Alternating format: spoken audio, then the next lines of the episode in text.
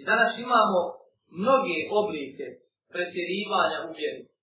Imamo i sigurno na desetine, ali ja ću ograničiti samo na neke od njih, na one koji su najdostupljeniji u muslimanskim društvima i u svijetu i koji donose najviše štete općenito muslimanima, kako pojedinačno, tako i znači, na širem planu muslimanskom umetu.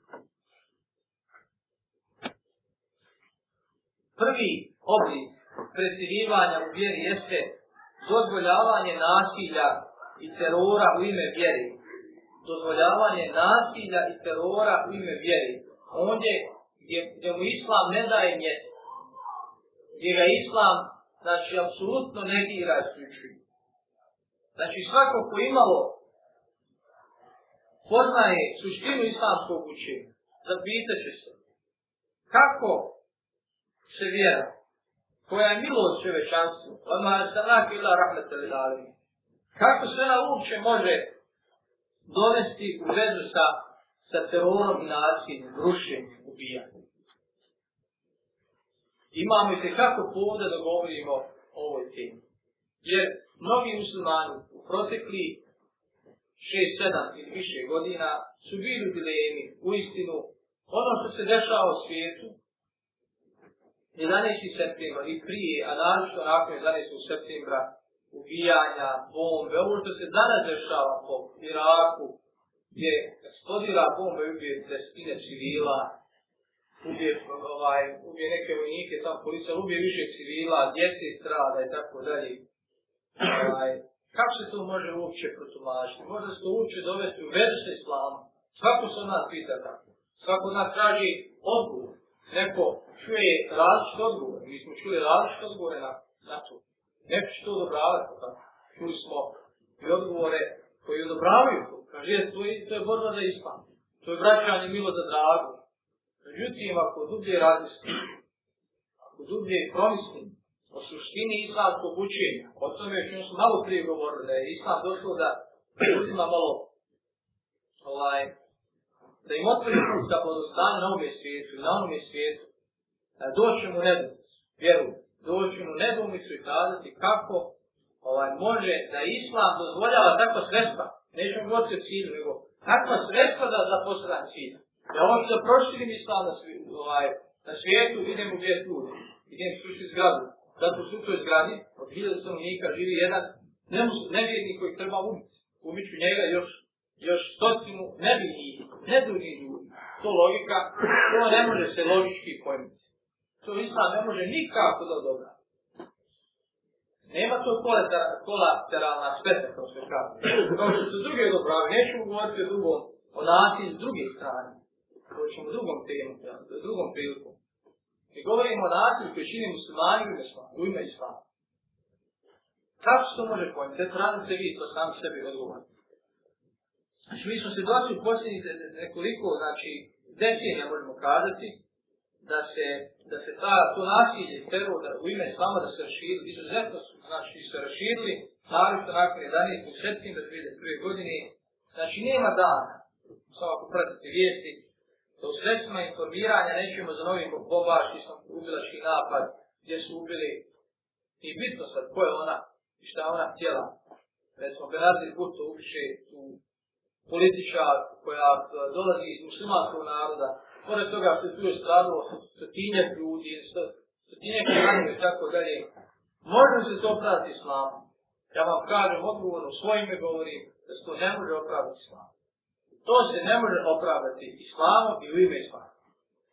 A sad, da li to radi muslimani, ako radi, zbog čega, o tome ćemo kasnije govoriti o uzrocima, zašto ljudi sebi odobravaju ove stvari, Šta su glavni uzroci toga? Da ove, kada čujem ove informacije, to znači od njih se krv ledi u žilama. Ovaj, kaže, bomba samoubica se razmi ubio e, deset prolaznika civila među njima djeca, mi to vidimo u svojim očima, e, da bi ubio neka, neki pet ili šest policajaca koji su isto muslimani, ali su eto radili. Šta su uzroci faktori uh, religijskog, odnosno vjerskog terorizma i nasilja, brojni su faktori koji su direktno ili indirektno utjecali na pojavu nasilja i terora koji se poziva na vjeru. S obzirom, znači, da je tema dala posebno još i da ovdje nalazi samo neke faktore. Prvo, neuspje vladajući elita u islamskom svijetu da izgrade države uh, kojima će vladati pravo, koje će biti, znači, Eh, države eh, pravde. To nisu, znači, uspjeli sam to svijetu, to nisu htjeli da to napravi. Drugo, jačanje tekvijskih ideja eh, među, znači, islamskom omladinom i širenje, naravno, tih ideja u svim krajima islamskog svijeta. I treći uzrok je američko-savjetnička invazija na Afganistan, Irak i druge muslimanske zemlje. To su znači direktni uzrok zastanka nasilja koje se čini u ime islama. E, drugi vid, odnosno drugi oblik pretirivanja uvjeri koji se ne veže znači na nasilje, veže se sasvim nešto drugo, to je idealističko gledanje na društvo. Idealističko gledanje na društvo. Znači jedna od prepoznatljivih osobina grupa i pojedinaca koji zastranjuju bez vjeruju uvjeri i idealističkih pogleda društva. Takvi vjeruju da jedno muslimansko društvo mora biti društvo meleka koji ne čine ni velike ni male vjere i u kojem vlada samo dobro, ljubav, jedna sveopća pokolnost Allahom kada nam sve, bez ikakvih propusta i sva. Nažalost, kod mnogih nas, često se nađe jer ovo idealističko gledanje na društvo, mi bi svi željeli da imamo jedno takvo društvo koje vlada dobro, moral, čestito, svi ljudi dobro i slan, međutim to je, to je, ne, to je jedna utopija. To je jedna utopija naravno i pozni vremeni. I do čega dovodi ovaj, ovako idealističko gledanje? Vidjet ćemo da dovodi do očaja, beznađa i do posjedanja za određenim metodama koje, znači, da bi se ubrzala stvar da bi se ovaj, donio haj islam, ovaj, ljudi posjeđu za nekim metodama da bi preko noć promijenio svijet. Ako se ipak u društvu znam prijeci i prijestupi, onda tako društvo nije islamsko, nego džahlijetsko ili bezbožničko i tako da. Nema sumnje da ovakav pogled na društvo, pretjerivanje, pregonjenje i nerazumijevanje samog islama i stvarnosti koji živi, tako je zaboravljeno da ljudi nisu bezgrešna lava stvorenja i da je zaborav, nemar, griješenje dio njihove prirode. Znači ne možemo očekivati od ljudi da budu veliki. Griješenje, zaborav, nemar, posustajanje, to je dio naše prirode, to je normalno. Kaže poslanika Nisla, to sam je rekao. Svi ljudi griješe, a najbolji griješni su oni koji se često kaju. U drugom Adisu je također rekao, kada ljudi ne bi griješili, Allah bi stvorio druge ljude koji bi griješili kajali se. Kaže, a ja bi im opraštao, to se Allah bi im opraštao. Ne smije se zaboraviti da su griješi i griješenje bili prisutni čak i među najboljim srbini islam, ovaj, islama, to je među, među ashabima poslanika Muhammeda ali islam. Oni su bili najbolja generacija svih vremena. Kaže poslanik ali islam, najbolji od vas su oni moja generacija, zatim oni što slijede, po pa oni što slijede. Znači oni su bili najbolje generacije. Sve buhorede, jer znam, vam se prenosi da, la, al, a, da je Lal poslanik sa ovaj sveme jedne prilike prošao pored gomile hrane. E zavukao je svoj ruk. Ona, to je bila pšenica. I našao da je, da je ona glazna. Šta je ovo glazna? Če hrane upiti. Kaže on odgovor, malo je potiska. Lal poslanik. Kaže, a zašto to nisi stavio navod da ljudi vidi? To si to stavio dole, tako? Upita, upita ga poslanik i dodade, kaže, ko vara nije vrta. Ovo je prvi koji se često navodi en kaše na felice minna, ko vara nije od nas, je na našem putu. Taj čovjek je stavio mokru, mokru dole, da se ne vidi varo, to što kod nas da ne čije. Istorija naprijed, E, dobar paradajz iz paprike, iz bože, korče, ono se ne valja, sam je dobar. I lagaju li. Znači sve smo primjeri koji su bili ovaj, prisutni u društvu i vremenu poslanika, ali sada to se nam govori, da je tijesto zamisliti očekivati jednu idealističku, jednu idealnu društvu. Da ide idealno društvo i nema griješenja. Ja ne govorim, ne želim time opravdati u naše stanje, znači današnjeg našeg društva, Ali ovo je jedan, jedan od vidova pretjerivanja u vjeru.